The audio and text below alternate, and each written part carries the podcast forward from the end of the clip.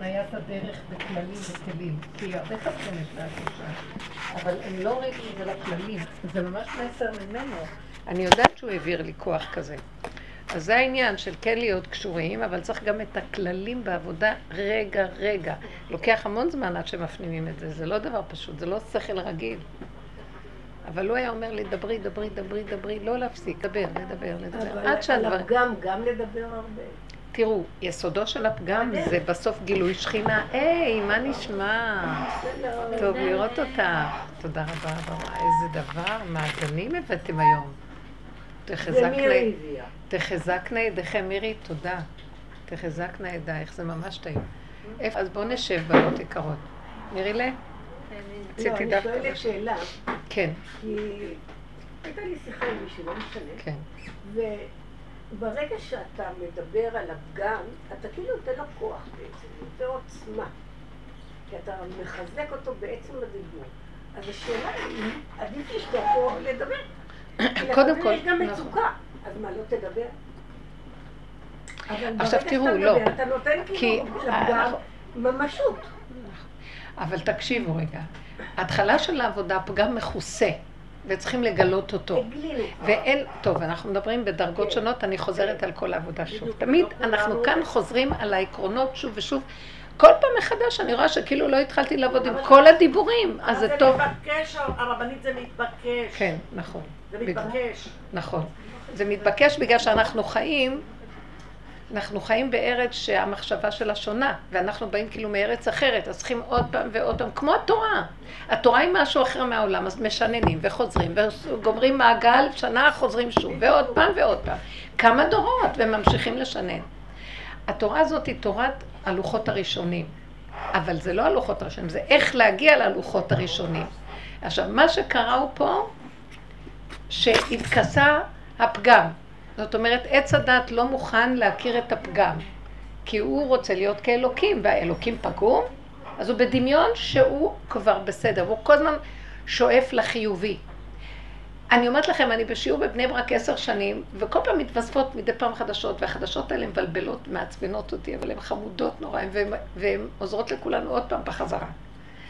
אז עוד פעם, הן כל הזמן נבהלות מהשלילה, הן רוצות להתייחס לחיובי.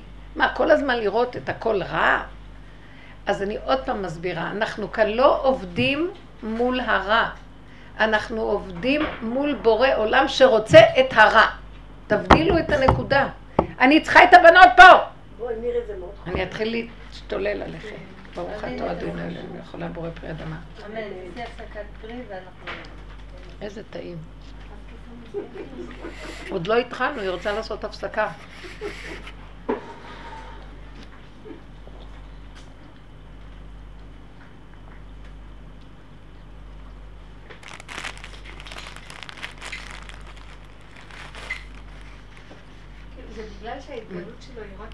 זה למשל הפגם. לאכול בזמן שעץ הדת אומר, רגע, עכשיו התחיל השיעור, מה אתם אוכלים? מה זה הפסקה? עוד לא התחיל השיעור. תודה. אז באיזשהו מקום, אנחנו אומרים, אם נעבוד נכון על הפגם, בסוף יישאר רק הפגם. אוכלים, נהנים. וזה גילוי השם.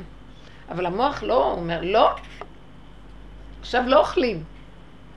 עכשיו מדברים, ועכשיו לומדים. נכון שיש סדר בעולם, אבל בסוף הכל יחזור לאוכל נפש, כמו שבת, כל היום אוכלים. מה נשאר בשבת? אכילה, שתייה, לינה.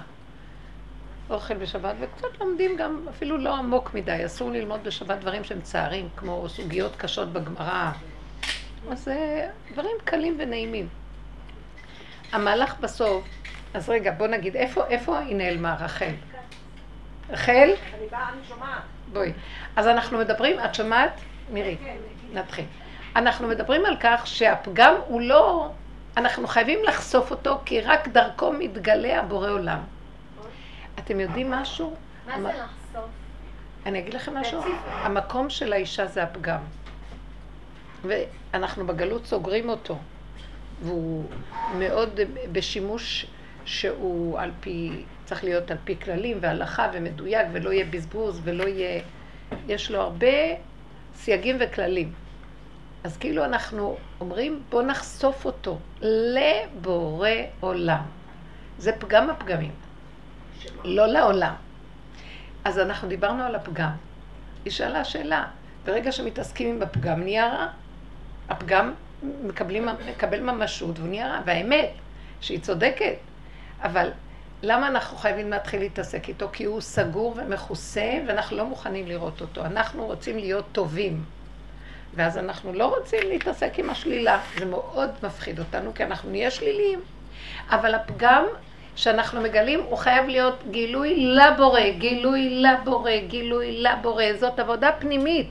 באמת הסכנה שהוא יצא החוצה, ואין מן הנמנע שכאשר אני כל כך הרבה דורות מכוסים ולא לא מראים את הפגם, שקצת יצא החוצה. חברים אצל רב אושר קצת, הוא היה צועק, לא לזה התכוונתי, מה אתם, כאילו הם הרשו לעצמם להיות בהפקרות. אז הוא היה צועק.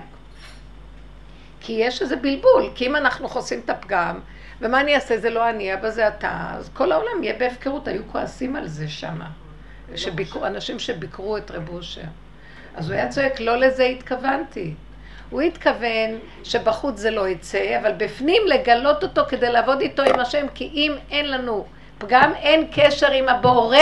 יש לנו דמיון במוח חיובי ואנחנו בדמיון קשר בורא. החיובי הוא, הוא גנוב, הוא גונב אותנו ועושה אותנו מלאכים. והשם לא ברא מלאכים אותנו, ברא אותנו בני אדם פגומים, שהפגם יהיה קשור איתו. וזה הסיבה שלו לגילוי. והגלות לא עובדים ככה. הסיבה שלו לגילוי זה הפגם. היום זה הגילוי של העבודה הזאת. זהו, זה נגמר. זהו. כן. כולם עובדים ככה. לא עובדים, אבל מדברים. מדברים, מדברים. לא, גם אנשים מגיעים לתובנות מדהימות בלי עבודה. נכון. אני אתמול פגשתי מישהי שהגיעה לתובנה שכל מה שהסובב להשם, זה היה שהיא תראה את הגאווה של עצמה. חצי שנה היא סבלה נורא מבושות, ובסוף הוא הביא לה מחשבה שזה היה רק הגאווה שלה, הבושה באה להראות לה כמה היא גאוותנית וכמה היא לא יכולה לה- ליפול מהגאווה, וברגע שהיא גילתה את זה, אנשים מדברים את זה. כן, היא הרגישה אה, הרפאיה. תגידו, אתם מבינים שאפילו שמגיעות לכאן קומץ, ובהרבה שיעורים זה מצטמצם, אבל ההדים עושים את שלהם, זה הצדיק מדבר, השכינה, תוקעת שופר והכל עובר. מה אכפת לכם? אתם לא, אתם לא מבינים שאני שיא הגאווה. אני לא הייתי באה לשיעור פחות מ-500 נשים. את יודעת כמה קבוצות גדולות היו באות אליי? איך נהיה ככה? וזה מבזה אותי. אבל אחר כך אני אומרת לעצמי, זה לא הגדר של פעם. זה הגדר של מילה אחת הולכת ואת כל העולמות היא מפזרת. זה לא אני בכלל. אז לכן תסבלי כאילו את הכביכול ביזיון, כי כל הדרך הזאת היא ביזיון אחד גדול. אבל זה משפיע על כל העולמות. אני, אני הייתי באיזה שיעור שמלמדים את ה... בכיוון, אבל הגיעו למסקנה שתכלס בשטח אנשים נשארו באותו דבר, וחייבים להתחיל לעבוד על הפגם. אבל הם מכסים את זה מאוד בצורה מאוד מאוד אה, ככה מיוחדת ואלגנטית, לא פגם. אז הם קוראים לזה אה, אה, מהות, הם קוראים לזה הגות, הם קוראים לזה אני לא יודעת מה, אבל הכל הכל זה העבודה הזאת. וכמה התנצלויות, אה, שתבינו, אה, אה, אה, ככה, אבל אני רצינו לעשות את זה ופחדנו, ש... הם פוחדים שאנשים יברחו. בפירוש מפחדים שיברחו. הם גם הולכים הפוך על הפוך ולא... הם, אני כבר שמעתי כמה פעמים, הם לא ניגשים ממש נכון. לעבודה. ממש לא. כן. אבל אולי באמת הדרך הזאת שפה אנחנו לומדות... ולרבנית יש סטיגמה שהיא יותר מדי גבוהה, וזה לא נכון. אני הכי פשוטה, זה אנשים מה שאני גבוהים. אומרת להם. אבל- מסובכים, הדרך לא, פשוטה. לא, לא. העולם מרחף. זה מה שאני אומרת. כמה אנשים, כמה נשים אומרות לי, חרדיות, ריק להם, מת להם, שום דבר לא מחיה אותם. אז חושבים, אז אולי נקרא את, את ההלל בראש חודש בקבוצת נשים ונשיר ומישהי תנגן, אז יהיה לנו איזה חיוב. אתם מבינים מאיפה מביאים את החיוב? לא מזה שכל הזמן פועמת השכינה והיא בקרבנו ולא צריך לעשות שום דבר. כל רגע את חיה ונושלת. הדיבור איתה והחיות איתה ואת אוכלת זה טוב לך, בקטן את עושה פעולה. וזה לא קל לנו, כי גם אנחנו מתים וקמים ומתים קמים, עד שמגיעים למקום הזה, אבל לפחות אנחנו לקראת איזה תהליך, אנשים משועממים, הגברים משועממים, הבחורים משו... בשיממון, בשיממון, שולחנות שבת בשיממון, כבר אי אפשר לדבר דברי תורה בשולחן, משעמם להגיד דברי תורה עוד פעם, אתם יודעים? זה משעמם. זה. נשמע כאילו החיות איננה. עוד פעם איזה וורט נאה וזה. דיברנו שאנחנו מזכירים לי מה שהיה בעצם בחנוכה. אומרת, היה כל כך ברור העניין הזה שמה פתאום שהגמוני, אני בתולה לפני שהתחתן, ועד שלא באה אישה והפכה את זה לאיזה משהו מעשי כזה, פשוט מלחמה, לא זז כלום מתלמידי החכמים שהיו בדור ומכל האנשים שהיו בדור. כאילו, היא הפכה את זה למשהו מעשי. היא באה ואמרה, מה פתאום, אין כזה דבר, מה פתאום שיהיה כזה דבר, ואז ככה זה הכל. בואו תחשבו רגע, אסתר אותו דבר. כולם יושבים עם סכם וטען איתם, והיא נכנסת ועושה פעולות. את לא נגעת להיות בנקודה לגבי הפגם, לדבר... עכשיו, אני אמרתי על הפגם דבר מעניין. שכשאת לוקחת את הפגם כעבודת פגם, אז הוא יכול להסריח. הוא יוצא החוצה. אבל אם את לוקחת את זה שזה סיבה לקשר עם השם, עבודת הפגם צריכה להיות בהפנמה. בואי תתני דוגמה. אז אם כך, אנחנו לא יכולות לשבת ולדבר חופשי על הפגם. לא, אתם כן, כי אתם נחשבות אחת. אתם נחשבות חברותה. זה כן יכול להיות. מה הכוונה לעבוד עם הפגם? אני רואה אותו, אני רואה, בא מישהו, הוא מעורר לי, אבל אני צריכה להתעקש שזה לא יצא החוצה. ואז אני מחזיקה אותו פנימה, ואני רואה את הסערה שלי, ואת זה עכשיו יש לי סיבה לעבוד עם השם לעלות. שאני נוגעת, ואנחנו לומדים מה כאן מכאיב לך, מה מרגיז אותך. ואת רואה את הנקודות, הגאווה, הכעס, השנאה, ואת רואה דברים חוזרים ונשנים, אז את יודעת שאת, יש לך את הנקודה שמת, שהיא מושכת גם בחלק הזה, מישהו אחר משהו אחר, ואת זה את מעלה לשם, ולמעשה זה המתנה הכי טובה שקיבלת, אם את מעלה אותה לשם, ואם לא, זה הופך לך להיות לנחש. זה שכינה.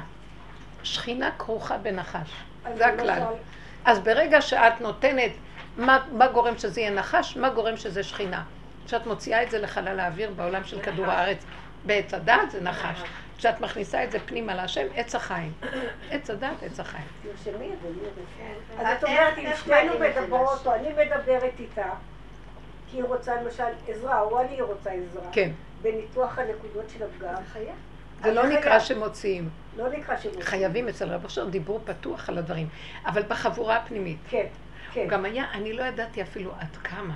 בשנים הראשונות שהוא רק קיבץ לעצמו כמה אנשים, הוא השביע אותם שזה יהיה מחתרת ושאף אחד לא ידע. עד כך זה היה כל כך פנימי. כן.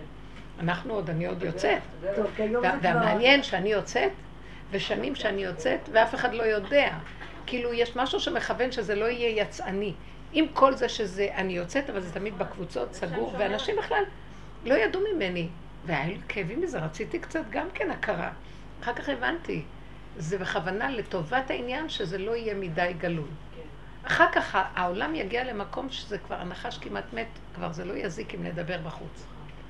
אבל זאת אומרת, אז... ברגע שאני מוציאה את זה החוצה, בחברותה שלנו אין לזה ממשות. זה לא נקרא. אני אגיד לכם מה זה נקרא להוציא החוצה. גם בחברותה יכולה להיות.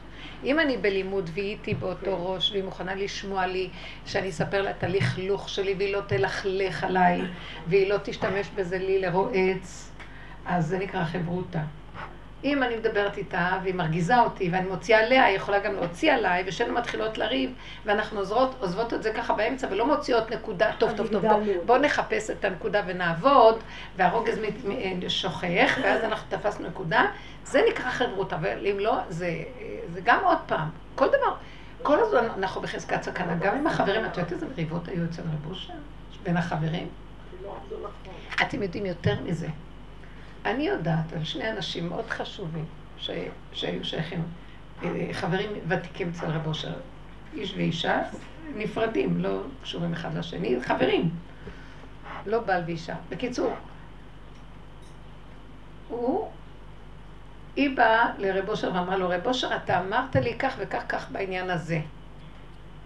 והוא, האיש הזה עכשיו, שהוא אחראי על הפרויקט הזה, אומר לי, לא, רב אושר לא אמר כך וכך, הוא אמר כך וכך, וזה לא סתם מה הוא אמר לו, אמר כי זה אחר כך דורש מעשה. כי הוא אמר משהו, אז, אז הוא אומר לה, אז עכשיו את צריכה לעזוב את איפה שאת נמצאת, כי רב אושר אמר משהו אחר. אמר לו, לא, לי רב אושר אמר כך וכך. אז הוא אמר, אז צריך לשאול את רב אושר. אז היא אמרה, כן. עכשיו, הוא הלך לשאול את רב אושר, רב אושר אמר לו, אתה צודק. היא הלכה לחוד לשרת את רב אושר, אמר לה, נכון, אני אמרתי לך ככה. עכשיו היא יוצאת ואומרת לו, אז רב אושר אמר לי שנכון שאני צדקתי, ואמר, וגם לי הוא אמר שנכון, עכשיו הוא השאיר אותם לריב ונעלם. הוא היה בורח לאנשים, עכשיו הוא השאיר אותם במצוקה. כי, אה, רב אושר סידר את זה, נהיינו חברים. לא. אתם תסדרו את זה. איך? אתם תרצו להרוג אחד את השני ולא תוציאו את זה אחד על השני.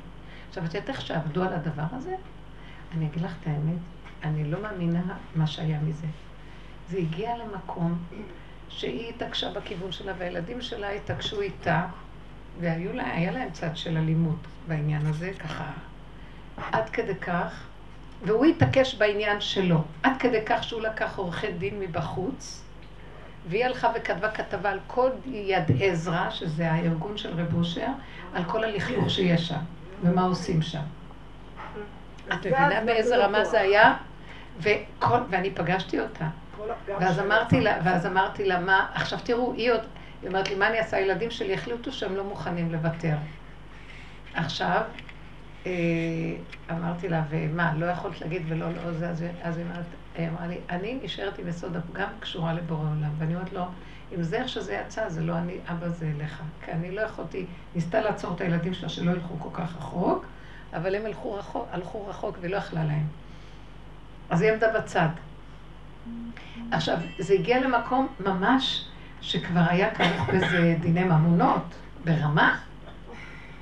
בסוף הוא ניצח, והיא הייתה צריכה לשלם סכום מאוד מאוד גדול, כמעט 30 אלף דולר, על משהו שאני לא רוצה להיכנס בזה.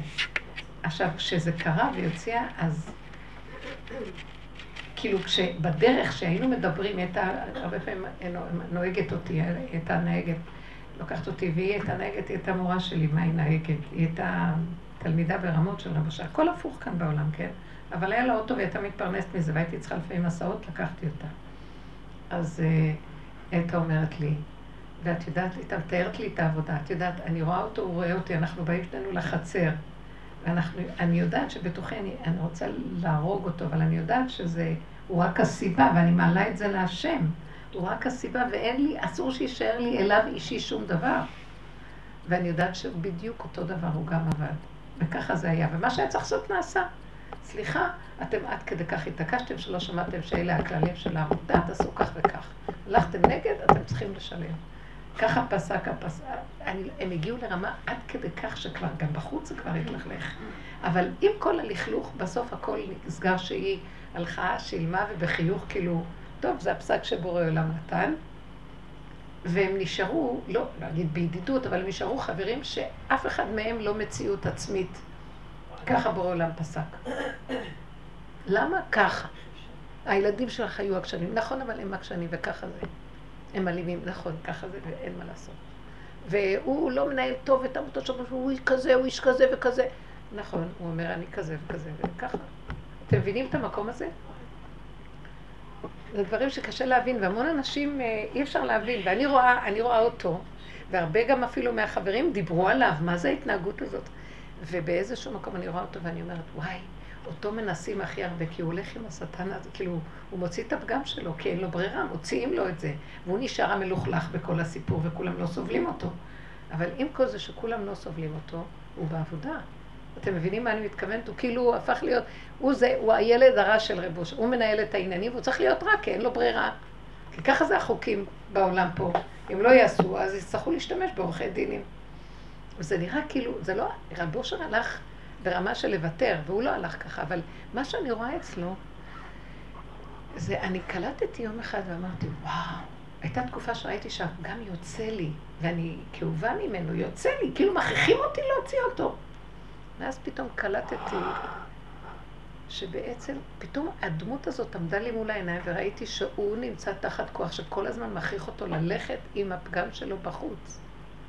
והוא מפסיד כתוצאה מזה את השם טוב שלו, והוא כאילו מתנהג לא טוב, אבל הוא יודע שזה לא הוא, והוא מול בורא עולם מודה שככה אתה רוצה. אני לא יודעת להסביר לכם. אני בטוחה שזה לא מהרוע האישי שלו. זה לא רוע. זה כאילו, הוא הילד המלוכלך כאן. הוא תמיד הזה שמתלכלך וכולם צדיקים. כי הוא הולך עם עץ הדעת. תפקיד בהצגה? אה? כמו תפקיד בהצגה. כמו תפקיד נפלא, ממש נפלא, כמו התפקיד של הסמ"ם בהצגה. כלומר, כן, אני הרע. מעניין שגם השם שלו ב... זה רע. בפירוש, מיידיש. ברוך אתה אדוני אלוהינו מלך העולם שהכל נהיה בדברו. אבל אני רואה, אני, אני מרגישה שבפנים הוא עובד מאוד. אז איך אמרת להעלות את זה, את הפגם? אני בטוחה שהוא, אני חושבת עליו ואני אומר, אין יותר רשע ממני בעולם. אין. אני רואה, אני רואה את הרוע שלי, ונתת לי תפקיד, ואני לא יכולה לצאת מהתפקיד, מכריחים אותי. כאילו כפו עליי נקודה, ואני לא יכול שלא להיות. אז אני, זה אתה. אם אתה לא עוזר, זה אתה, זהו, זה אתה, תרחם. תרחם עליהם ממני. כי אתה רוצה שאני אשחק את התפקיד הזה, ואני לא רוצה. זה כאילו משהו שעד כדי כך שקצת יוצא גם, זה לא הרבה, אבל יש מקרים שזה נראה כאילו חריג, ההתנהגות. להוציא אנשים מהבתים, כי יש בתים של רב אושר שהיה נותן לאנשים, ואני לא יודעת, אצל רב אושר הייתה הנהגה אחרת, אבל כאן אני רואה הנהגה שאני מעריצה, לא יודעת להסביר את זה. אני לא חושבת שזה הוא רע. אני חושבת שהוא השלים עם הרע, והוא בתפקיד שלו, והתפקיד הוא רע, אבל לא הוא. התפקיד מכריח אותו להיראות כאן רע, אבל הוא לא רע. דרך אגב, הוא עושה חסדים בכמויות שאי אפשר בכלל לתאר. לא חשוב, אני לא רוצה לדבר על יכול- זה. אבל יש מצב שיכול להיות שהוא צריך את התפקיד שלו לעשות לפי האמת, ולעבוד על עצמו אה, זה, כי זה גם עבודה, מה? אתה חייב להשלים את מה שיש לך לעשות, גם אם זה אה, נראה אה, לאחרים שזה לא בסדר.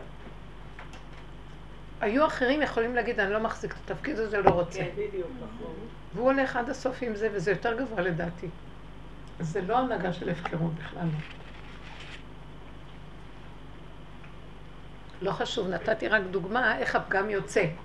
וגם כשהוא יצא, זה, העיקר זה איפה ההכרה שלו והקשר שלו עם בורא עולם באותו רגע. זה מה שתמר עשתה. היא הוציאה את הפגם החוצה, אבל באותו רגע הייתה קשורה עם השם, אז לכן זה לא נחשב חיצוני. וכן אסתר המלכה. וכל אלה שלנו נראה, מה עשו פה? איזה פגם יוציאה תמר? מי? תקשיבי, את יודעת את הסיפור. כן. היא פיתתה אותו, היא התחפשה לאישה מופקרת ועומדת לה, מפתה את החם שלה. וכאילו לפני עיוור לא תיתן מכשול. יש פגם יותר גרוע מזה?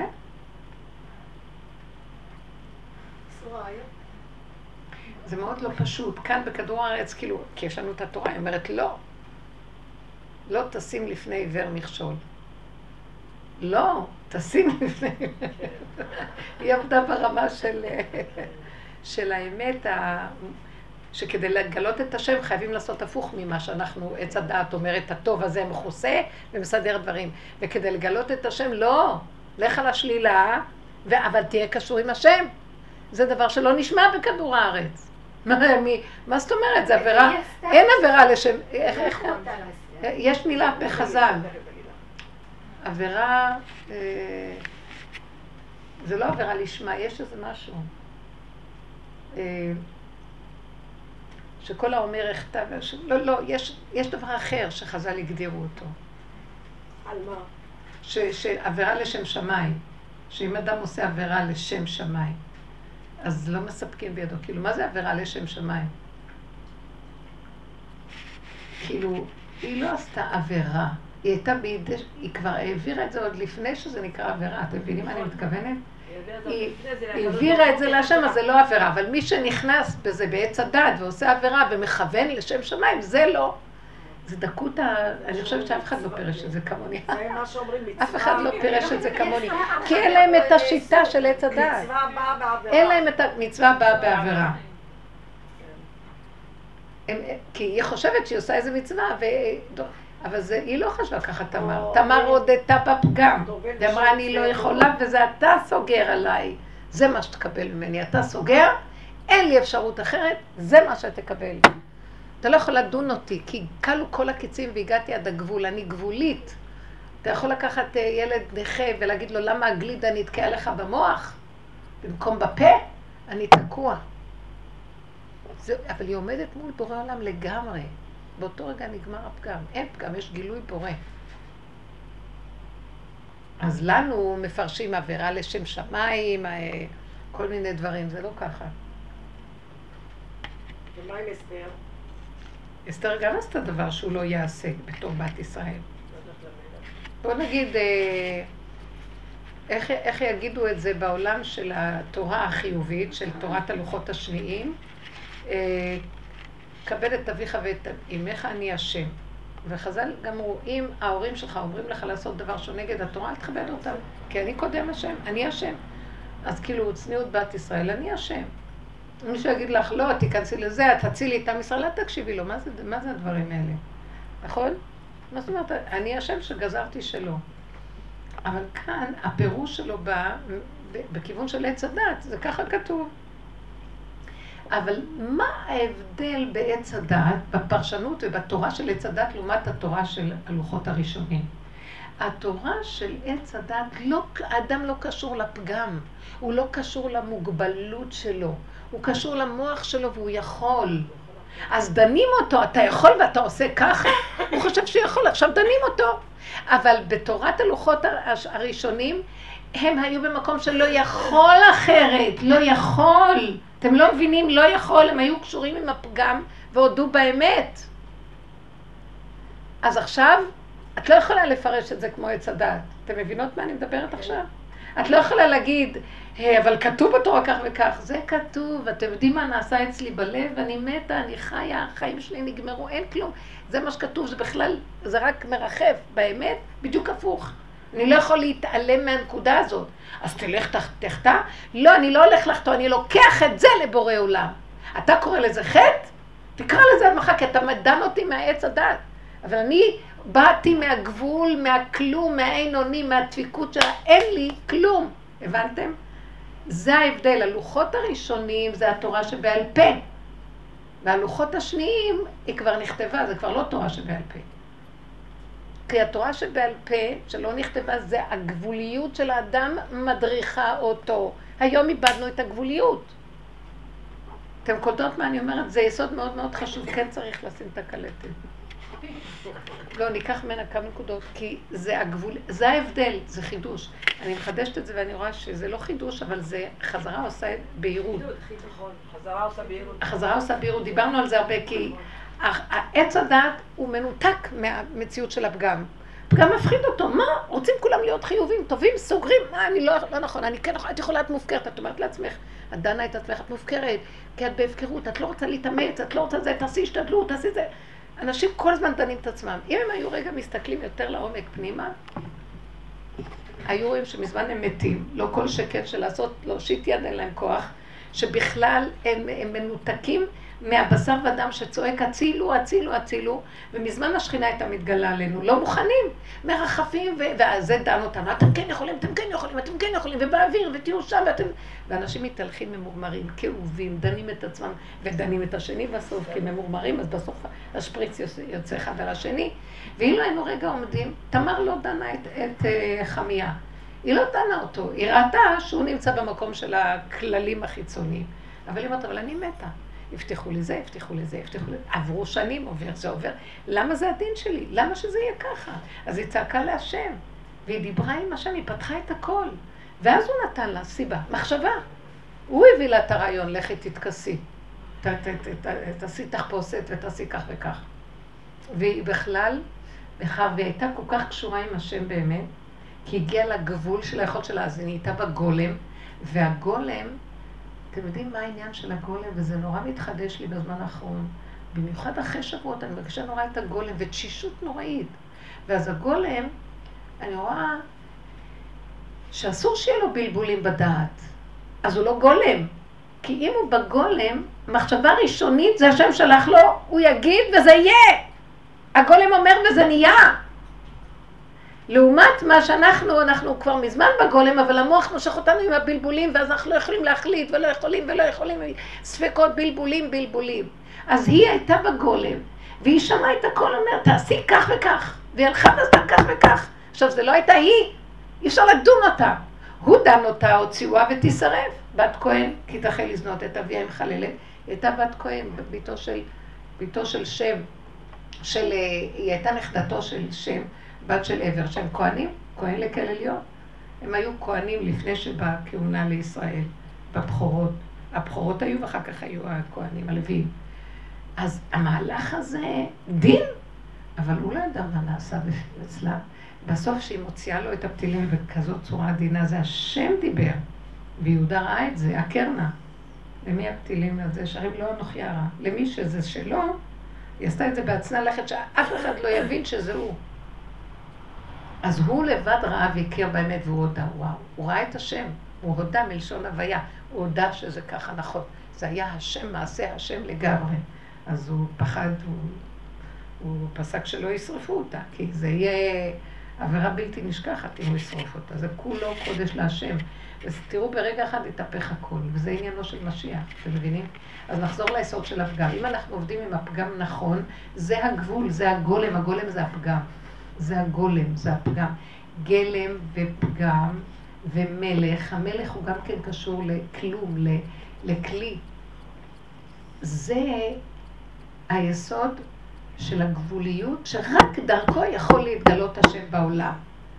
והבני אדם לא רוצים את המקום הזה. העץ הדת הוא בתת הכרה לא נותן את המקום, כי הוא לא רוצה שיתגלה השם. הוא רוצה את המלכות שלו. אז הוא אומר לבן אדם, אתה יכול, אתה יכול, אתה בכלל לא גבולי, אתה יכול, אתה כל זה, אתה הכל יכול. הבן אדם מסכן, אנשים, כולם מותשים, גוררים רגל, מצמצים, כולם קמים, כבר אין כוח לכלום, וכוח האנרציה, העצבים מריצים אותם בכלל. זה לא האמת שלנו, האמת שלנו מזמן שאנחנו בגולם. ואני רואה, אני כל כך מרגישה גבולית.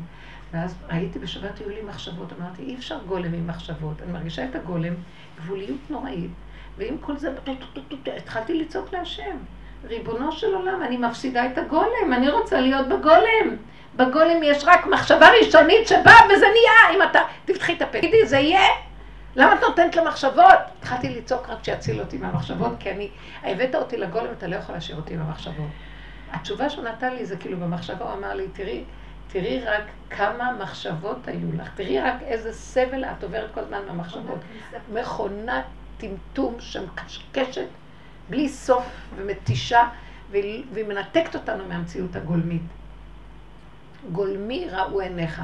כשאתם תהיו בגולם עיניך ממש עליי כל רגע, זה כלי. ואתה רואה, השם רואה אותך, את רואה אותו, זה אותו דבר. זה המקום שאנחנו צריכים להתעקש, אבל זה הכל דרך יסוד הפגם. ותורת הפגם לא אהובה בכלל בכדור הארץ. הפגם זה נראה נורא ואיום, זה נראה אנשים משוגעים. עכשיו, מה שקורה הוא, אנשים מתכסים, אבל הפגמים יוצאים במילא. כי כבר הגבול, הגולם לא יכול, הוא לא יכול לכסות כבר הגולם. כל מה שקורה בכדור הארץ זה גולם, תפיסת הגולם כאשר עץ הדת לא מוכן להרפות. כולם כאילו מאוד יפים, כולם. זו, אני לא יודעת מה, סוטים, כולם עושים שטויות, גונבים, הכל, והכל, וכל זה מכוסה וכאילו יפים ויפות.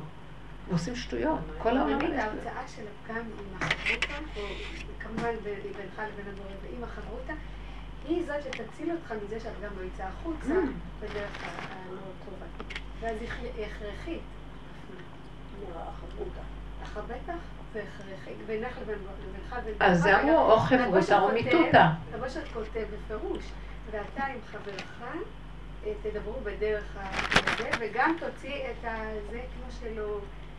בעיה של לעשות אותו עד הסוף. ככה עם חברך תוציא את זה עד הסוף. כל מה שזה, כותב את זה ב...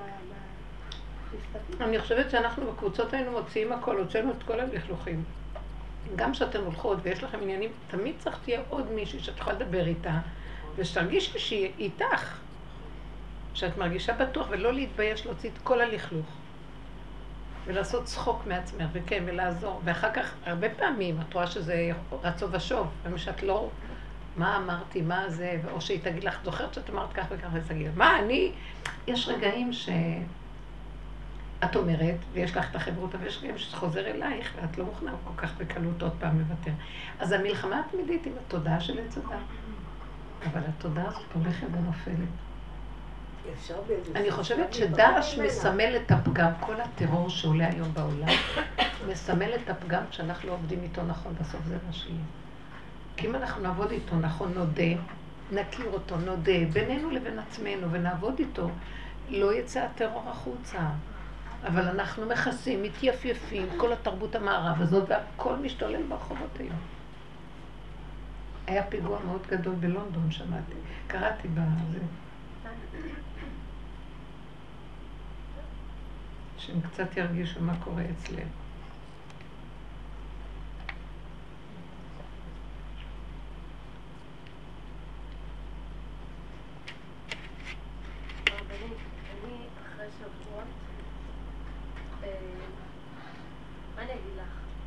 צונאמי של דמיונות, אפילו לא גל, דמיונות, שיטפון של דמיונות, ממתי? אני אומרת לכם, שבת זה שיגע אותי. אמרתי, איך יכול להיות? אני כל כך בגולם. כאילו, הגולם כל כך גולם, ופה כל כך, ופתאום ראיתי את הקונטרסט. זה היה, פעם אני לא ראיתי את זה כל כך, זה היה נורא.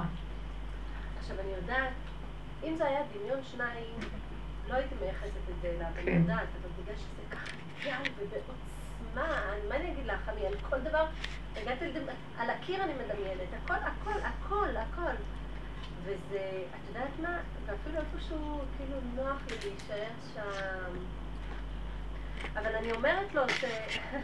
זה. כזה צונאמי שאני לא יכולה לעשות, הוא כזה, וגם.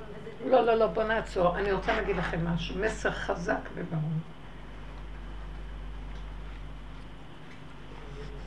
רב אושר התכוון שנמסור את נפשנו לא לתת למחשבות ולדמיונות לתעתע בנו.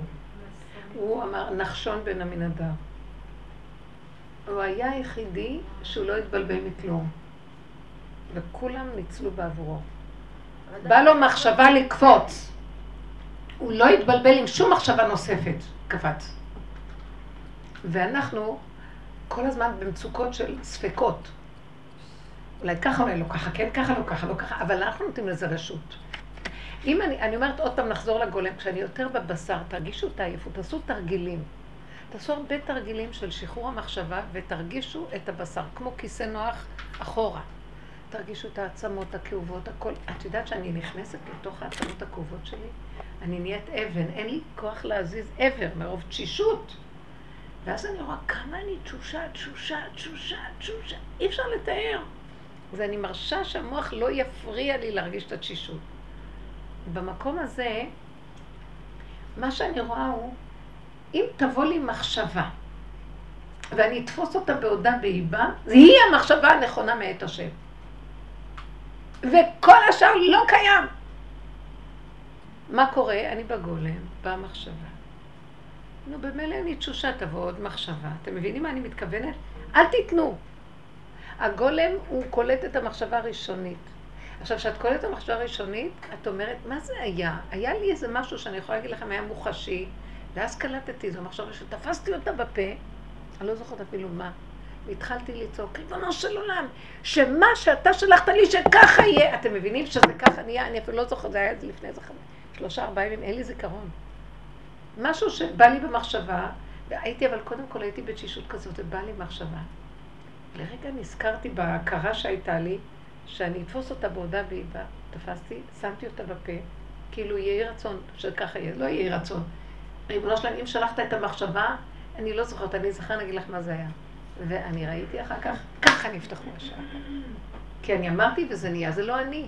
הגולם זה בורא עולם. אבל באים גלים של מח... ועכשיו שקיבלנו את התורה, תשש כוחנו, ונהיה גולם. נכון שקיבלו את התורה תשש כוחם? אז הגולם נהיה יותר חזק. זה זמן להראות את הגולם, לתת לגולם קיום. באות המוני מחשבות להפריע. ישגעו אותנו המחשבות. אל תיתנו. אבל אם את תשושה, איך את לא נותנת? איך? אם את כל כך תשושה, איך יש לך יש שני דברים. לא לתת? התשושה היא שאת בגולם. הלא לתת זה את פותחת את הפה וצועקת להשם. להתעקש. לתת נקודה חזקה של הכרה, זה לא קשור לכוח. תדעו לכם שזה מבלבל. אם אני עייפה, אז אני אתן לעכו לשגע אותי. ואז אני רואה מחשבות חולפות, ואני בצער, ואני יכולה להגיד, די! אתם מבינות מה אני אומרת? ההכרה היא לא קשורה לגוף. באה הכרה ממקום של אמת שצועקת די, והדי הזה יהיה, את זה אנחנו לא רוצים לצעוק. אנחנו, אני עייפה. אני עייפה. דווקא בגלל שאת עייפה, תגידי די. הבנת? יש לנו תודעה על תודעה. תשתמשי בתודעה הזאת להגיד די. את לא מבינה שאת מזמינה תודעה יותר גבוהה. התודעה יותר גבוהה היא האלוקים שלנו. יש דרגה כזאת, דרגה כזאת, דרגה כזאת. יש הרבה דרגות של האלוקות. כשבאה תודעה ורואה את העייפות שלי, עכשיו אני בתודעת הגולם. עכשיו האלוקים שלי הוא גולם. כן, השם הוא גולם.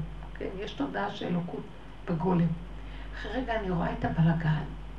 הגולם רואה את הבלגן וטה, טה, טה, טה. עכשיו, אני מפחדת שאני אתן לו קיום על ידי זה שההכרה תשים לב אליו. זהו, אז לא אני צועקת, די!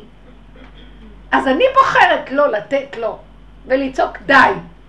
ואז אני אומרת, ריבונו שלם, אני לא רוצה להיות שייכת לו, אני רוצה שייכת לגולם. והגולם יש לו מחשבה אחת והוא קולט אותה. אין ריבוי אצל הגולם. אז עכשיו אני הזמנתי תודה על תודעה, תודעת הגולם, ואחר כך באה מחשבות להפריע לתודעת הגולם.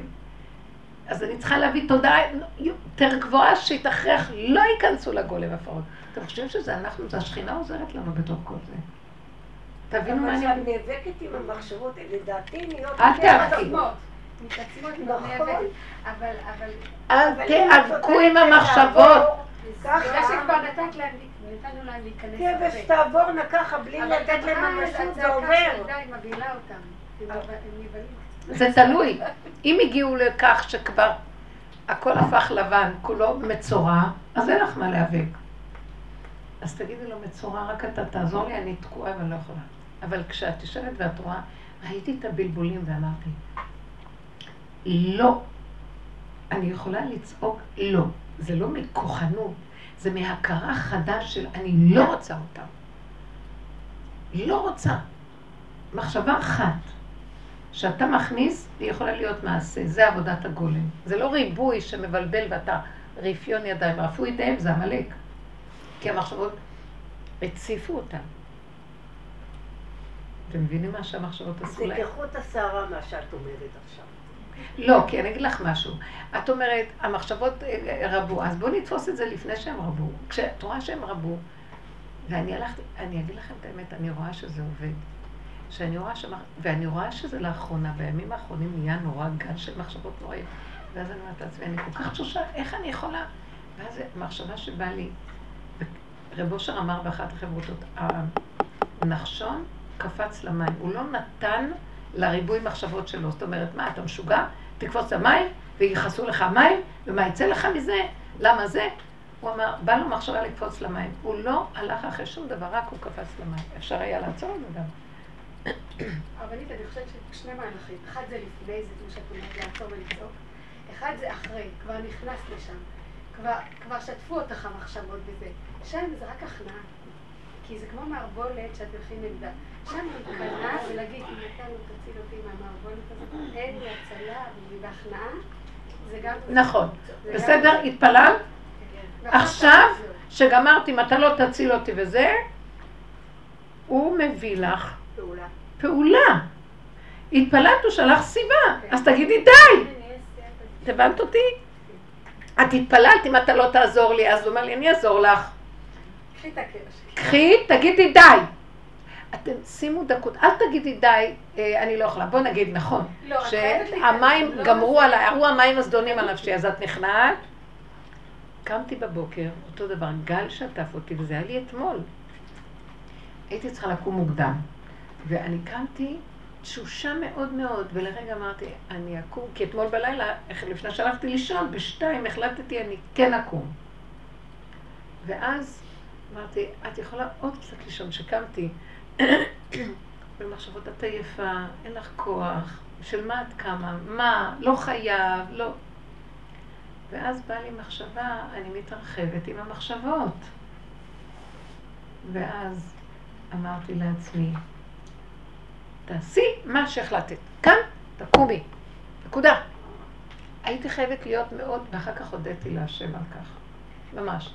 יצאתי, עשיתי מה שצריך לעשות, הייתי מוצפת בשמחה מזה. זהו. וראיתי, ואז באמת, אה, ראיתי את הנקודה שעלה לי ההצפה הזאת של מה שהרבו שם אמר על העניין של החברותה. החברותה הזאת של, אה, איך קוראים לו? נחשון בן עמינדב.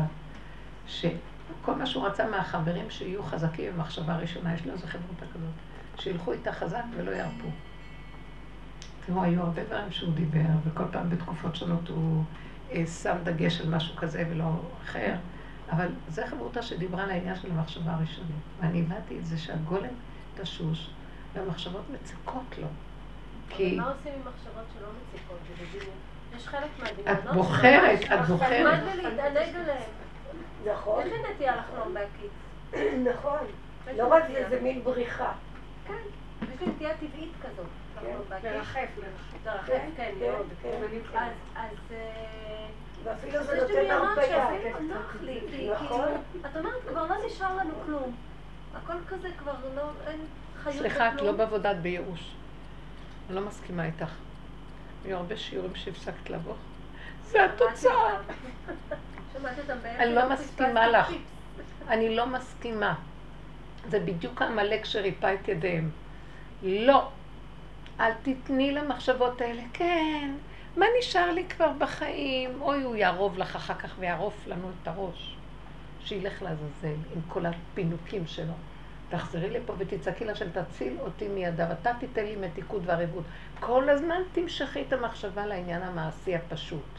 תגידי לו, זה קשה לי, אבל אתה תעזור לי. זה עד שהוא פשוט ילך. זה מה שהוא רוצה מאיתנו. בדרך שאתה מוצא ללך, מוליכין אותו והוא יפתח לך שערים גדולים, שתראי מה ההבדל. כי זה מין רפיון של אה, התאבדות. כמו בן אדם שהוא עוד יכול לחיות אם הוא ירצה, אבל הוא אומר, אה, למה לי? אה, יש כזה דבר. איפה זה? קראתי איזה... ש...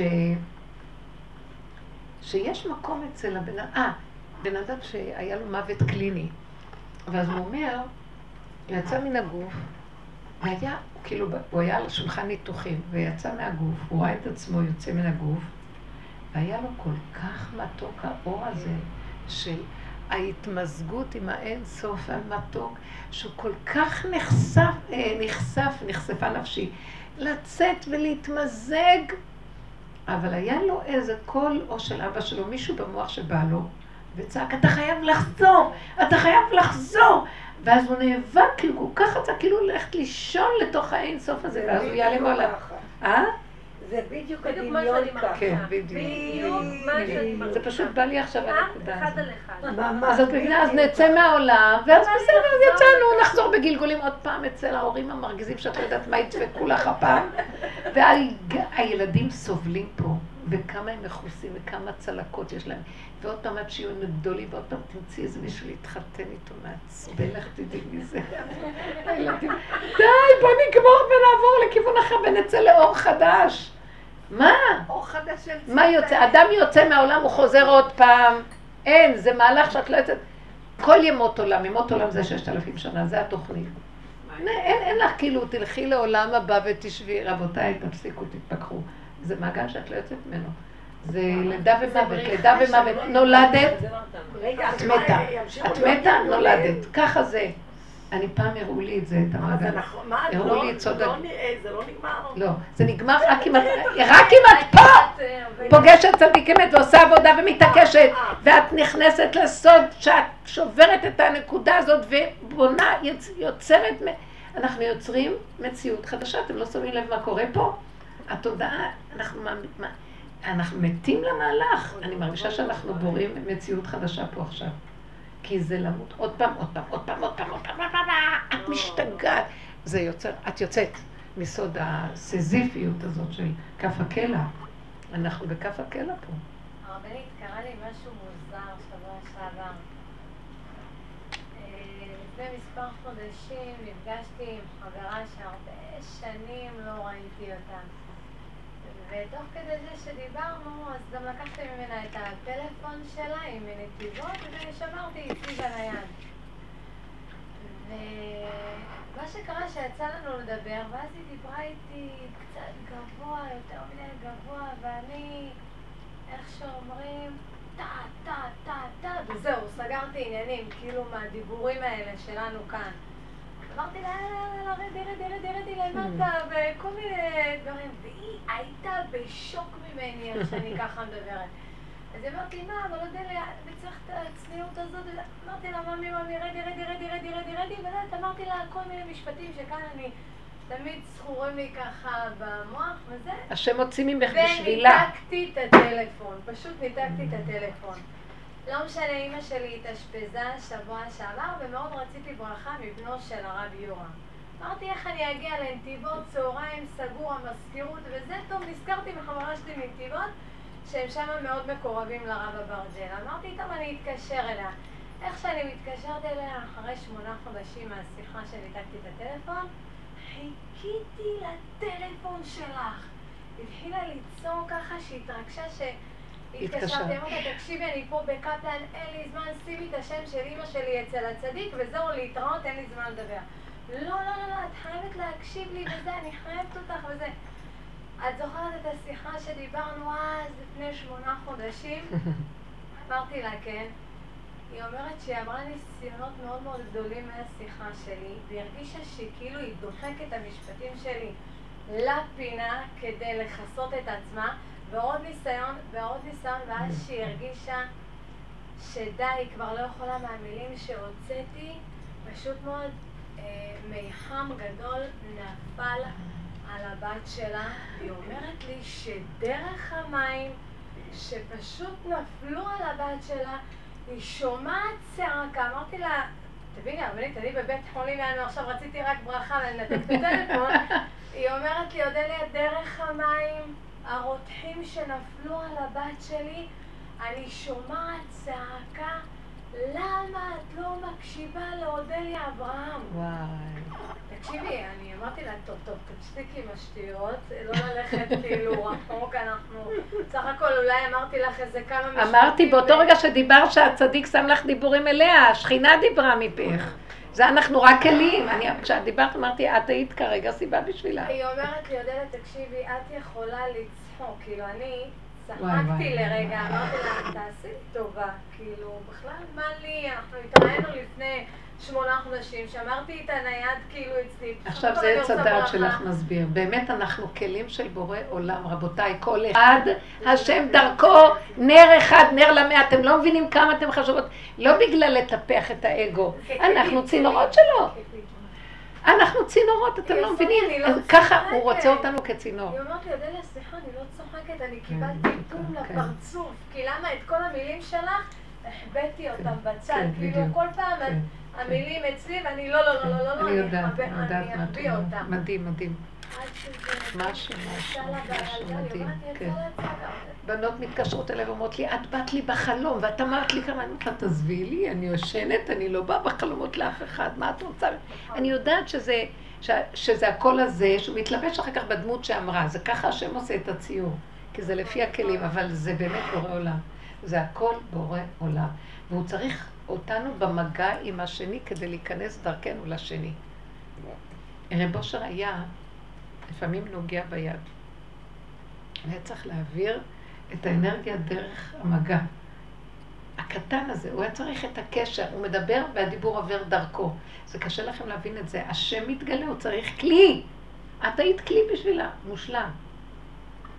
זה מדהים. היה מסופר על רב אושר שבא מישהו לבניין מסר שיעורי בערב שבת, והוא שאל מישהי, למה בעלך לא בא אתמול? אז היא אמרה, רב אושר, הוא לא מבין יידיש.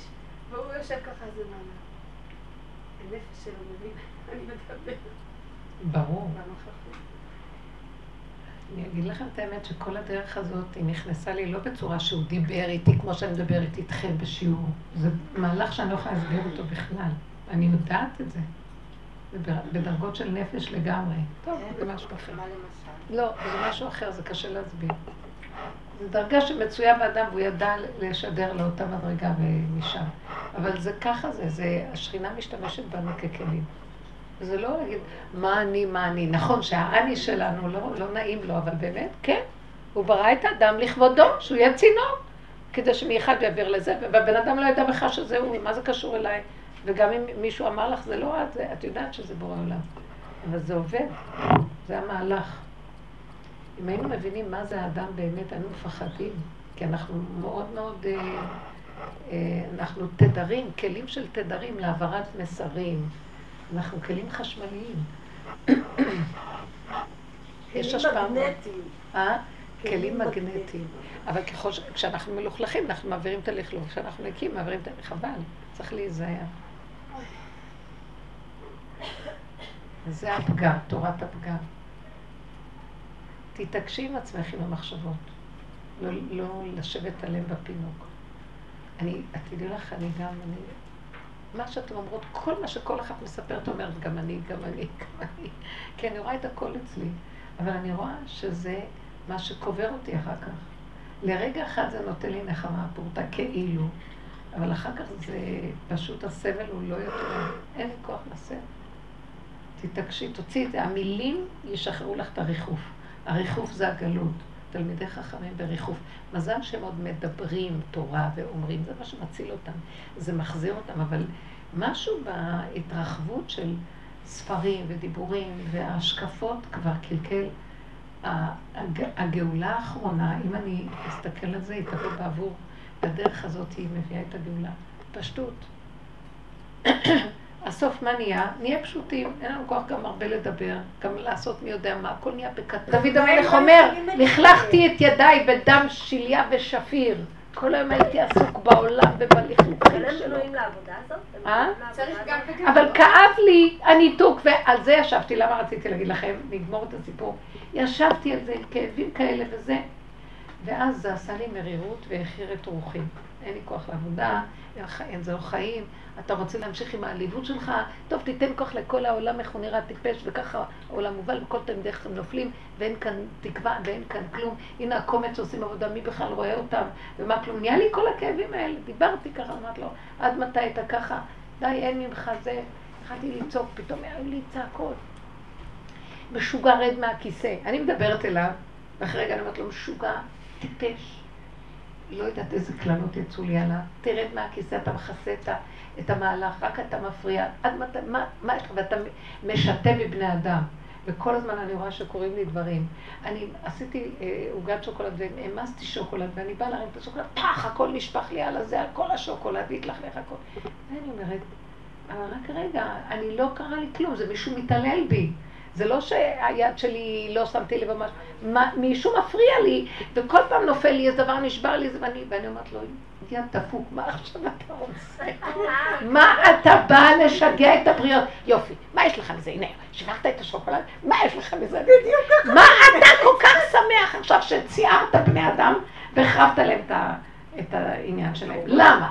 עד מתי תשב שם אתה משועמם? אין לך מה לעשות, ככה אני דיברת. אין לך מה לעשות, פשוט. אז אני צריכה לצעוק, השם, תתגלה כבר, הוא משגע את הבריות, אנשים כבר אין להם חיים פה, הכל הפוך פה, איפה אתה? ואז כל הדיבורים יצאו. ואחרי זה היה לי כאבים. אה, נשקפתי בכזה כאב, ואז בא לי המחשבה שאמרתי לכם, שבעצם הוא אומר לי, הוא אמר לי ככה, תיכנסי בגולם, את רוצה ישועה, תיכנסי בגולם, ולכי עם המחשבה הראשונית האחת. היו לך ריבוי מחשבות. הייתה מחשבה נכונה, אבל התבלבלת לעם ומה קורה, וכל העם הלך לאיבוד, וכל כרגע. עשיתי מזה תפילה, ואחר כך הוא הביא אותי, והיה לי רע בנשמה, היה לי רע, למה העם הזה נראה ככה? יש לי צד כללי ששייך לכלל, כאב לי. ואז הוא בא ואמר לי, במחשבה ששכבתי ככה, אומר לי, טוב, תחזרי לגולם, ואל תלכי בגדולות ונפלאות ונצורות. מה אכפת לך? לא, לא, הוא לא אמר לי מה אכפת לך, הוא כאילו אמר לי, את רוצה את הישועה, היא נמצאת ברגע הקטן שתורידי את הראש לתוך הגולם ותעשי בקטנה דברים. מסרת לי את התפילה, מסרת לי את הכאב, עכשיו תחכי לסיבה, הסיבה באה במחשבה ראשונית ודרך זה את תפעלי. ואחר כך באמת בא איזה, קמתי כזה, ונכנסתי לקטנות. לא היה לי את, את, את הכאב שהיה קודם, כי באמת, התפללתי שיהיה לי הסחת דעת, כי לא יכולתי להכיל את הכאב הזה. ואז באה מחשבה קטנה, פשוטה מאוד, ואחרי זה היה עוד איזה, מיד אחרי המחשבה הפשוטה הזאת, שאני פועל בתוך העולם דרכך, ונקודה קטנה שאני פועל פה עושה הרבה הרבה הרבה שאת לא רואה, משהו כזה. אחר כך בא איזה טלפון, ומישהו, מישהי דיברה איתי בטלפון, נקודה, ויצאו לי כאלה דיבורים אליה, והרגשתי ככה, תנועה כזאת, והכל היה בקטן, כאילו הריקון הזה של המוח, והשקט הפשוט, וההסכמה שאני לא אלך בגדולות, ונתתי לו את המציאות, והרגשתי, אני לא יכולה להסביר לכם, זה דבר שידוע לי באופן פנימי, שזה לא כמו שאנחנו רואים, שכן הוא נכנס לעולם, וכן הוא עושה עכשיו מאוד מאוד, הוא פועל חזק, שהתודעה הקודמת תזוז ותבוא תודעה חדשה. אז כן אנחנו, אבל אל תישארי עם הבלבולים, כי זה יעשה לך כאבים, ותחזרי לקטנות. הכל חזר לקטנות, נהיה לי שמח, קטן ומתוק, וידיעה ברורה שהוא נכנס והוא משנה ועושה סדר בעולם. וכבר גם הכאב שלי עם הילד ירד לי, ואמרתי, לא, אל תתרחבי, זו הייתה התשובה. אל תתרחבי עם הכאב מדי. כי באמת היה לי כאב. וידעתי, הוא מחזיר אותי לגולם, מחשבה ראשונית, תפעלי, הדיבור יצא, יצא כאילו דק, דק, דק. משהו שאני לא יכולה להסביר לכם. הוא קיים, והוא נכנס בעולם ועושה פעולות. זהו. מה את רוצה גם לדעת? מה התוכנית הבאה שלו? ושיתייעץ איתך, וישאל גם, אה, ו... לא יודעת, אתם יודעים מה זה? לנו נראה שמשה רבנו, ואני רוצה לשאול אתכם. משה רבנו היה מדבר עם השם, נכון? משה רבנו, איך הוא דיבר עם השם? מחשבה, לא? בדיוק. משה רבנו הופיע לו מחשבה, והמחשבה אמרה לו, למשל, שהוא אמר, וידבר השם אל משה, המחשבה מדברת איתו, ולא היה לו ספק שזה השם, כי לא היה לו ריבוי. הוא ידע, נקודה. זה, ואחר כך יכול להיות, נכון שהוא היה אדם כללי, שקיבל הרבה דברים להגיד לעם ישראל, אחרי שהדיבור נגמר והכל, הוא נהיה גולם שלא יודע כלום. לא מנהיג את ישראל, הוא לא יודע מראש מה יהיה, הוא לא המנהיג הכללי, כמו שנגיד הממשלה תמיד יודעת שהיא זה, והשרים יודעים. הוא לא ידע כלום. הכל מדבר אליו קיים. הלך ממנו. אתם מבינים מה אני מתכוונת? אז הוא נשאר תמיד הגולם, זה מה שהוא המחיש לי. דרכך נעשה, הוא דיבר איתו דיבור, והדיבור משה מדבר, וזה נהיה. זהו, עכשיו יוצא בעולם ונהיה עובדה, לכי עכשיו תפרקי. בעולם יש הדיבור של השם למשה, ומשה מדבר, זה נכתב בתורה, זה דיבור עולמי. אתם מבינים שכל הדורות לא יכולים לפרק את הדיבור הזה של התורה? זה דיבור מאוד חזק. כל הדורות מחזיקים... איזה תורה מוחזקת? 3,500 שנה, ולא השתנתה. בתוך גלות. בתוך הגלות, תגידו. זה כאילו מישהו חרט את זה שאת לא יכולה לשנות. והוא היה גולם שיצא דרכה ונעשו פעולות בעולם דרך הגולם הזה. זהו, אבל משה לא כאילו, הוא ידע שיש לו, והוא ידע גם מה המהלכים של השם, מה המהלכים הבאים, ומה יש להשם תוכניות, זה לא כל כך ככה.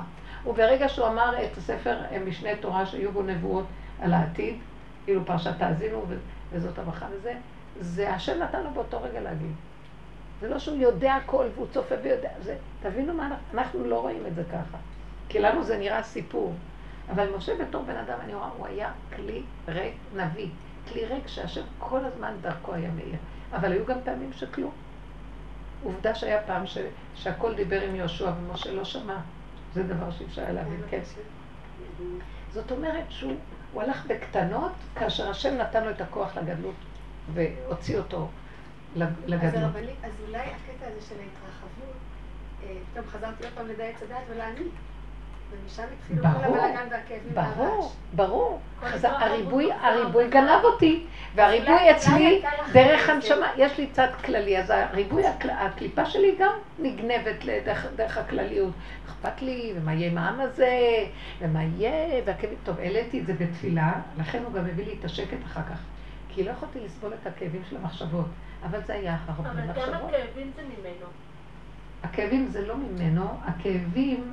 יש כאבים שאני רואה שהם טובים. יש כאבים שאני רואה שבאים לפעמים כאבים קטנים כאלה. אני רואה שהם טובים כי הם רוצים ממך איזושהי תפילה שצריכה לעלות באותו רגע. הם להחזיר אותי אליו. בדיוק. אז, אז הכאב הוא לרגע שלו. הוא סותר אותי ומביא לי כאב. הסתירה הזאת זו סיבה שאני אעלה לו תפילה. אבל אם אני אתרחב עם זה ואני זה, או שאני אברח מזה למשהו נמאס לי מהכאבים, אני רצה למשהו אחר, פנטזיות. אז זה בריחה? אני לא עובדת עם זה נכון. תמשכי את הכאב ותעלי את זה אליו בדיבור. אפילו אם איזה משהו טוב, תזהרי לא להתרחב בזה. סיפוק, ריגוש. אני ראיתי כמה פעמים, היה לי איזה ריגוש ממשהו, אמרתי, אני הולכת עד הסוף עם הריגוש. הרגשתי יד חזקה עוצרת אותי, אני מבטיחה לכם, אני כאילו רציתי, אני מתאבדת על זה. יד, ברזל, לא יכולה לזוז. כי אני אמרתי לו, די, אין לי כוח, אני אלך עד הסוף. הוא לא נותן עכשיו, יש כל לא מיני מעצורים. אז אבל אנחנו צריכים להיות אני דווקא רוצה לפעמים ללכת עם זה. את רואה? יש לי איזושהי משיכה ללכת. תתעקשי ליצור. גם אם אנחנו אומרים, אז אני הולכת עם זה, עם הדמיונות שלי, אבל תלכי מול השם עם הדמיונות, מבינה? זה לא אני בהפקרות שלי עם עצמי. אני אומרת לו, אני מתגרה בו, אני הולכת על זה. נראה אותך, תעצור אותי. אני הולכת על זה. את רואה שהוא רוצה. אבל את תמיד איתו. כמו ילדים קטנים. זה הקשר שאנחנו מחיים את הקשר עם בורא עולם כל הזמן. מעניין אותי לדעת אם יש נשמות שלא בנויות, לה- לכתחילה לא בנויות לעבודה הזאת. יש נשמות בדרגה מאוד נמוכה. מה נשמות בדרגה מאוד נמוכה? אני מדברת נגיד... זה מדרגה של נשמות שהן מפותחות יותר, סליחה. יש דרגות נמוכות שהן אה, בתת רמה של קיום, בחיים כדי להתקיים, ויש כל מיני. כתוב, ראיתי בני לא, אני שואלת והם נגיד על- תלמידי חכמים, שאת רואה שזה... כל התורה אה, לא... פה אנחנו לא הם רואים. תופסים אותה חצי טרללה, כאילו, כשאת מתחילה לדבר. אני אגיד לך לא משהו. זה נשמות שקשורות, אה, הוא מלא שמסביר את זה. העץ חיים גם מדבר מלא שמסביר את העץ חיים. סליחה, הנשמות שלנו הכי נשחטות, זה נראה לי הכי... אני לא, זה צוחקת. נשמות שבאות מעולם האצילות. זה נשמות את שהן יודעת, אם שייכות. מישהי תשפריץ לך בפרצוף הכל, תגיד לך, תפגע בך, תרמוס אותך, ואת כמו איזה... אבל זה דבר ידוע, ככל שהנשמות באו במקום יותר גבוה, הן גם נופלות למקומות הכי נמוכים. נכון. המקום שלנו, זה, והתלמידי חכמים הם מהסוג הזה, שאת אומרת, אה, אה, יש, הוא כותב על זה ב... בא לך. הוא כותב, אה. רבי חיים ויטל, בהקדמה לספר עץ חיים, שכל התלמידי חכמים, לא כל, אומר, תלמידי חכמים בדורו שהם ראשי ישיבות וזה מהערב רב. בדורו הוא זה. ראשי ישיבות, מהערב רב שהם חמישה מיני ערב רב. לא באה להגיד חס ושלום, אבל מה אפילו זה אין להם את הצד? מה מה את חמישה ערב מן הערב? זה נש... אני לא יודעת, באמת, זה קשה, הוא אומר שיש חמישה מיני ערב רב. ענקים, ענקים, אה, הוא קורא להם נגע רע. נפילים, גיבורים, ענקים, אה, רפאים ועמלקים. חמישה מיני ערב רע. אז זה כל מיני סוגים של... אה, ש... אני אגיד לך מה אני חושבת, מה שאני מבינה שזה ערב רב. זה שהעניין שלהם זה העולם הזה, הם רוצים כבוד, הם רוצים אה, להיות גדולים בשביל שייתנו להם הפרסום. זה אין להם את הקשר של ההוויה, שהם, מה את חושבת? לי גם יש ערב רב. גם לי יש נקודות כאלה, אבל אני יודעת שבעבודה הזאת אנחנו מהפכים אותם ומעלים אותם להשם. ובזה אנחנו עושים גם תיקון לערב רב פה. אבל לכל אחד יש נגעים בדבר הזה. רק אלה שכל הזמן מתנגדים ולא מוכנים וזה, ורוצים להישאר וזה, יש להם איזה נקודה, זה נשמות מעולם ה... כתוב, הב- הבריאה, הוא כותב שם שזה מעולם המשנה, לעומת עולם הקבלה, שזה עולם הבנת הפנימיות, שזה, הוא, הוא קורא לזה אה, שפחה לעומת הגבירה. הגבירה זה עולם האצילות והשפחה זה עולם המשנה והתלמוד. מבינה איך הוא מביא את זה שם? זאת אומרת, זה אנשים שהם מאוד בעולם, הם חזקים, הם אומרים את הדבר, והם באו לתת כאן קו בעולם. אבל, אבל בעולם הזה הם הגבירה. הם מה? הם הגבירה בעולם הזה. בעולם הזה יש שפחה כי תירש גבירתה. הם כאילו, לא, זה שומרי החומות שתופסים את השכינה, שזה בשיר השירים, ומכים אותה. למה היא יצאה בלילה? אני אומרת, אבל אתם לא מבינים שאני מחפשת את שאהבה נפשי? אני לא מחפשת עכשיו איזה מישהו מסתובבת כאן בחוסר צניעות. אני, אני אקלוט את הנפש, את שאהבה, הם לא מבינים. מכים אותה, עשו את רדידי מעליי. הם אין להם את ה... מה אתה מבלבל את המוח? כולם אותו דבר, שוטרים. מה, שומרים, שומרי החומות, מה אכפת להם? אין את העניין של היחידה, הרגישות, הנקודה. אז. העולם הזה הוא מלא מכאלה, כי כאן הם הולכים. זה השוטרים, זה, זה כל העולם ה... מה את רואה? אני רואה את זה בעבודה שלי, שאני עובדת עם בבריאות הנפש, עם אה, בחורים שהם לא לא לעצמם, אה, אבל ברמת שיקום, שהם משתקמים לצאת לעולם, ואני רואה איך המערכת רוצה שהם יהיו אה, כמו כולם, אבל הם לא כמו כולם, אבל הם בדיוק. גם לא בנויים ככה, הם לא בנויים במבנה שלהם. למה, למה שאדם ש... אה, לא עלינו, זה קטוע בדיוק הנקודה לא שלהם. דורשים ממנו שיחזיק מזלג ביד ויוכל. אז הוא, הנפש שלו לא בנויה לדברים מסוימים, המערכת לא מוכנה לקבל את זה, והיא תיתן להם אה, סל שיקום, רק על פי, אם הם אה, פחות או יותר עובדים על פי השיקום של מה שמקובל בעולם, אם הוא יצא לעבוד, אם הוא לומד, אם הוא זה, הוא לא, הם לא בנויים, הם לא בנויים, יש כאלה, הם לא בנויים, לא אז את. מבינה, אין להם את הדקות לראות, זה כלל ויש יוצא מן הכלל ועובדים עם הפרטים, לא. ככה וכולם, וככה וכולם. אז הממסדיות, אני ניסיתי כמה פעמים להסביר את זה. בישיבות צוות, הסתכלו עליי כאילו נפלתי מהירח. ואני אמרתי, זה זהו, את שותקת, את לא יכולה לדבר. אבל ככה זה העולם. העולם מלא מזה, כל העולם הזה הוא רק מעבר והוא פרוזדור לאמת, ופה אין אמת נהדרת, אז מה אנחנו מחפשים פה שיהיה? ואז כשראיתי והיו לי כאבים, אז הוא אמר לי, אני יודע מה אני עושה, רק אל תתרחבי, ובתוך זה אנחנו נתקן. אני רואה שהתיקון הכללי יהיה שמעטים יצאו מפה, מבטיחה לכם. מה זה? מעטים. ראיתי בני עלייה והם המועטים, המעטים, אה, הש- השרידים אשר השם קורא לה, הם יצאו מהמהלך הזה, וזה מה שנקרא, והש... וה... והפלטה, והשארית, שארית הפלטה. לא כתוב, וה... והפלטה תהיה בציון. כאילו, יישאר רק קומץ שהוא, כך כתוב. אבל הרבנית, רבי שמעון אמר שהוא יכול- להוציא את כל העולם מן הדין. אז הם גם מועטים, אבל הם יכולים את כל העולם להוציא מן הדין. עדיף ככה, לא? הוא יכול לפתור את כל העולם מן הדין. הוא אמר שהוא יכול, אני לא יודעת אם בפועל הוא פותר. רב אושר נהג לנסוע הרבה לרבי שמעון, שאלו אותו למה, ככה קראתי. אז אה, הוא אמר, כי צריך פרקליט טוב. נכון. הייתה לו אהבת ישראל גדולה לרבי שמעון. צריך רק פרקליט. טוב לעולם הבא, הוא אמר. פרקליט טוב לעולם הבא. אני אגיד לך, הוא סגר לי את העניין הזה של נסיעות לקברות צדיקים לגמרי. לגמרי. אבל הוא נסע המון לגמרי. לרבי שמעון. לגמרי. הוא אמר, עכשיו אני, זה אני. זה לא הוא אישי. את יודעת מה? אני מרגישה, כבר שנה אני עוקבת אחרי המהלך הזה בתוכי.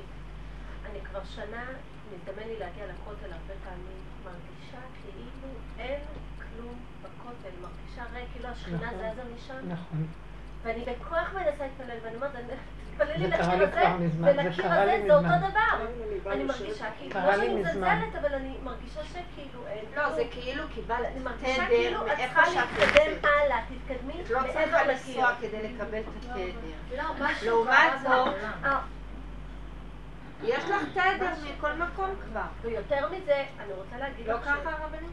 יכול להיות, אם אדם הוא. מכוונן איך נכון. אני יודעת את זה? כי אני רואה, השם מזמן לי כל פעם לראות שאני מגיעה לשם, מגיעים המון גויים, מה שלא הגיעו פעם.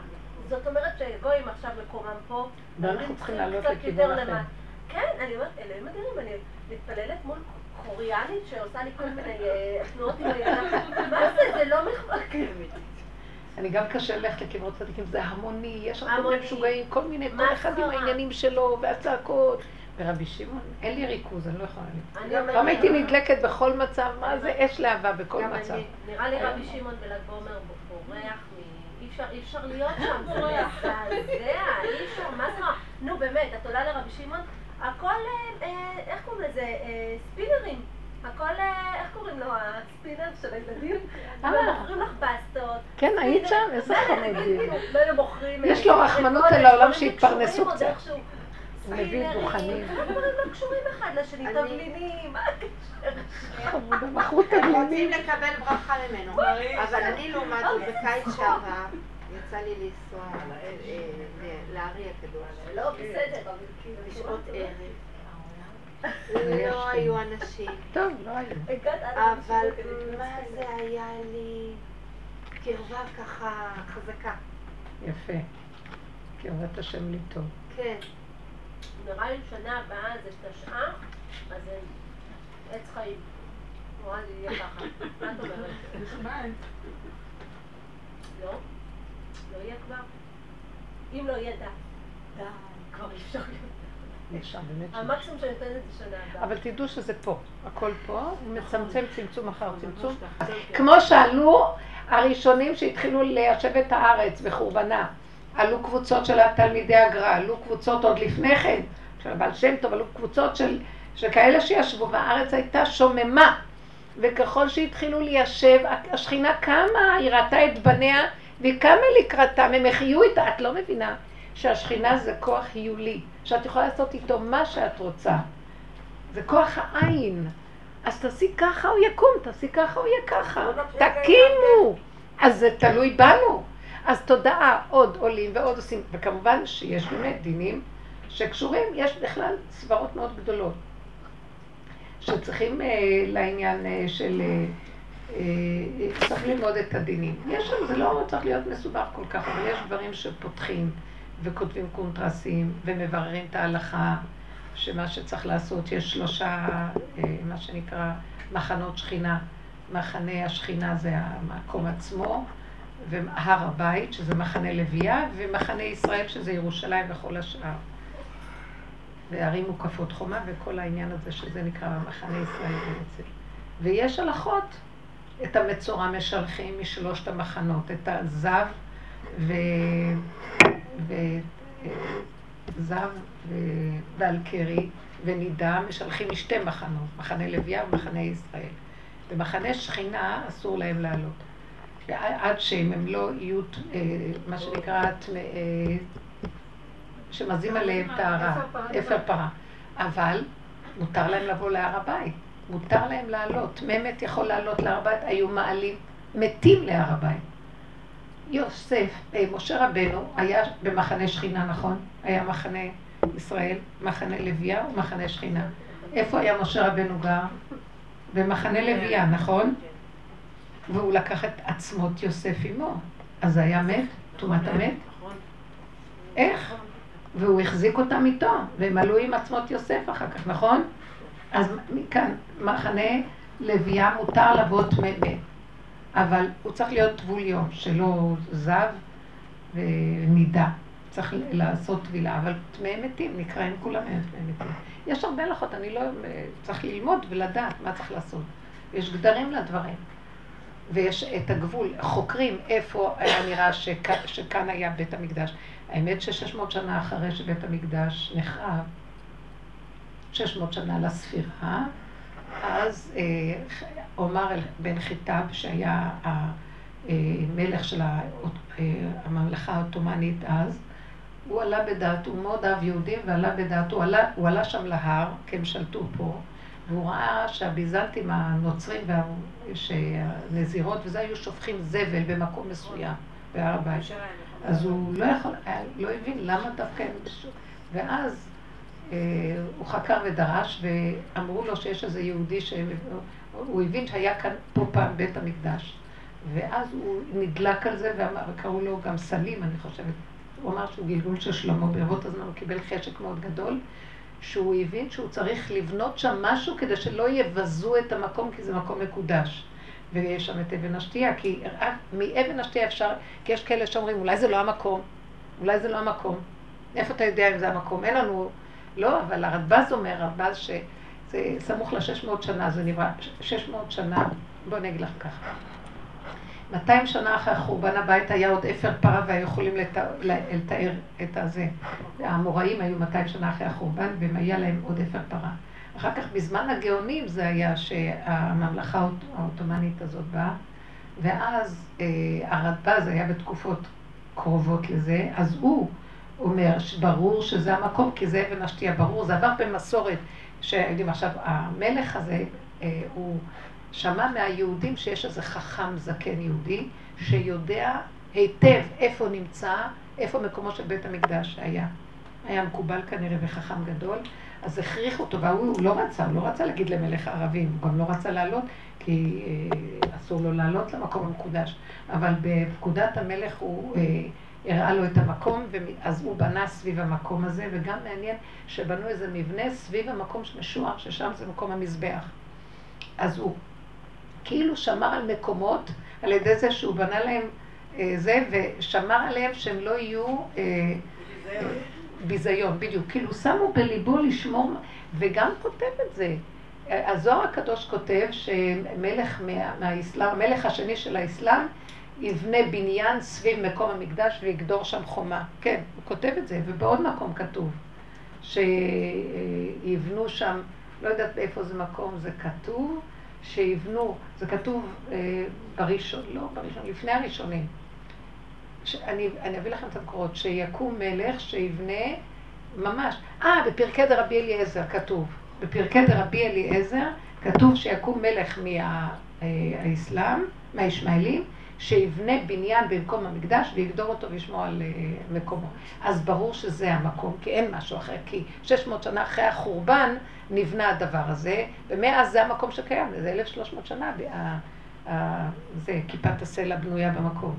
אז זאת אומרת, שחוקרים ושואלים ורואים ודורשים, ובייחוד מה שהמשנה במסכת מידות אומרת שרובו מן הדרום של הר הבית, והר הבית באמת הרוב שלו, איך שהוא בנה את הדבר הזה, הרוב פתוח מהר הבית. מודדים, שוקלים, זה אנשים שמבינים עניין וחכמים וחוקרים ויודעים, והם גם תלמידי חכמים גדולים. אז כשאני שומעת שמתנגדים, אז אני אומרת, טוב, אז תביא מקורות אחרים ממה שעכשיו אני מביאה לך. אז תגיד לי משהו ממש סותר.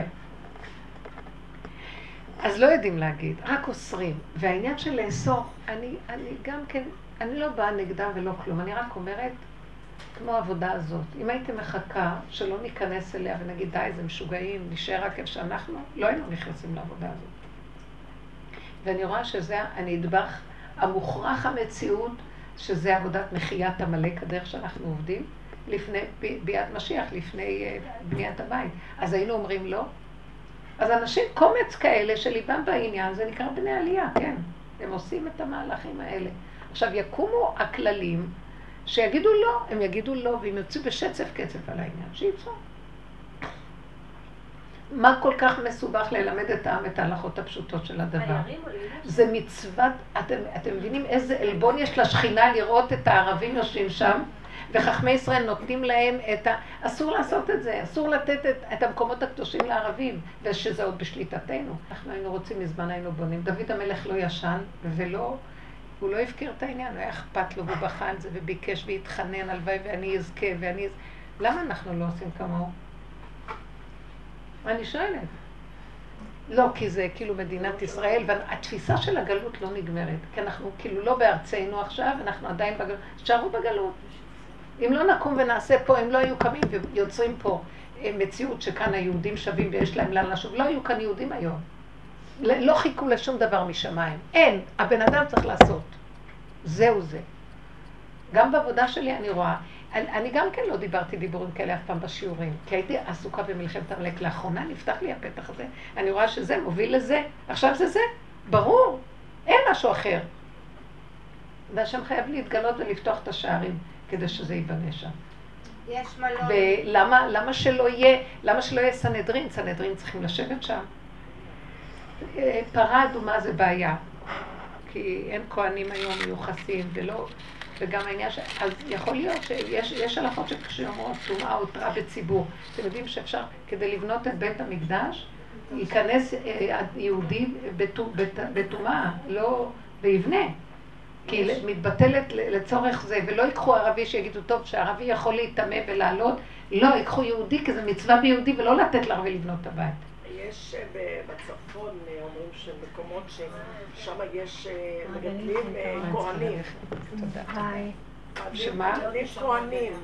שם, כהנים קדושים ומיוחסים ופרושים, כן? וגם, כן, גם פרות. יש הרבה דברים שעכשיו עובדים עליהם. לקחו כאילו איזה. ילד שהוא נקי, ילד כהן, ושומרים. עליו, כן. שמור כזה, כדי שאפשר יהיה ל... שומרים עליו שלא ייגע בדברים טמאים, כי זה, יש דינים שלמים על דיני טהרה. לכהנים, כדי שהם יוכלו כן. אה, לעשות את האפר פרה. השם. יזכה לנו שיבנה בית המקדש ממלא, ומה שאנחנו עושים בעבודה מוביל לזה פשוט. ואנחנו המקדש מעט, גם בתוכנו. יש. נקודה כזאת של הגולם, זה נקרא מקדש, שיש בתוכו רוח השם.